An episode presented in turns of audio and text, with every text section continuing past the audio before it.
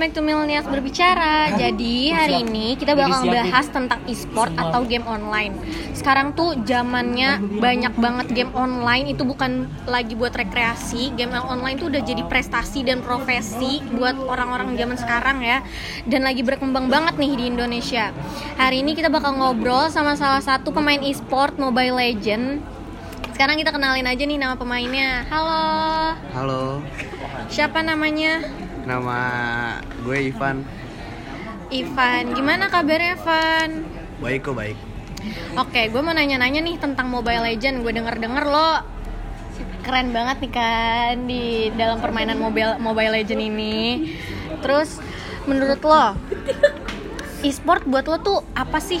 Lo jadiin hobi atau profesi sih e-sport itu? Kalau sekarang sih e-sport tuh udah termasuk atlet ya. Jadi lebih ke arah profesi. Oke, udah jadi profesi sekarang guys, bukan jadi main-mainan kalau kalian lagi gabut aja. Terus sejak kapan mulai main Mobile Legend? Main Mobile Legends sih sebenarnya udah lama, hampir satu atau dua tahun yang lalu. Awal-awal main Mobile Legend awalnya iseng doang atau emang udah lo niatin buat jadi profesi aja? Emang awalnya sih iseng cuman main sama teman sekolah, cuman main sama nama teman tongkrongan, cuman makin lama makin ke sini banyak-banyak turnamen-turnamen yang ngasilin uang jadi jadi profesi. Oke, berarti lo ikut turnamen-turnamen e-sport gitu dong? Iya ikut banyak. Hmm, kalau gue belum tahu turnamennya tuh apa aja? Turnamennya itu banyak sih seginya dari segi yang skala rendah, menengah sama yang tinggi ada. Gue dengar-dengar e-sport tuh turnamennya kebanyakan di luar negeri ya nggak sih? Iya hampir itu yang skala tingginya, skala rendahnya mungkin dari yang turnamen kampung-kampung yang hadiahnya cuma sampai 5 juta, terus ada yang sampai 100 mobil atau nanti- di paling tinggi itu ada yang sampai ke luar negeri gitu. Oh gitu ya. Lo pernah menang nggak sih dalam ikut turnamen? Pernah pernah. Oke, keren banget nih guys. Dia pernah menang. Rewardnya apa sih kalau ikut turnamen kayak gitu? banyak sih kemarin gua habis menang achievement terakhir gue yang paling bagus tuh menang Piala Presiden tahun 2019 kemarin di Makassar Hmm, ikutan turnamen e-sport gitu jadi beban gak sih buat lo sebenarnya? Atau malah sekarang jadi hiburan aja buat lo?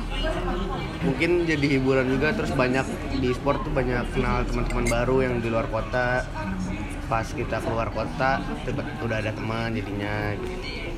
Hmm, kan lo kuliah kan sekarang.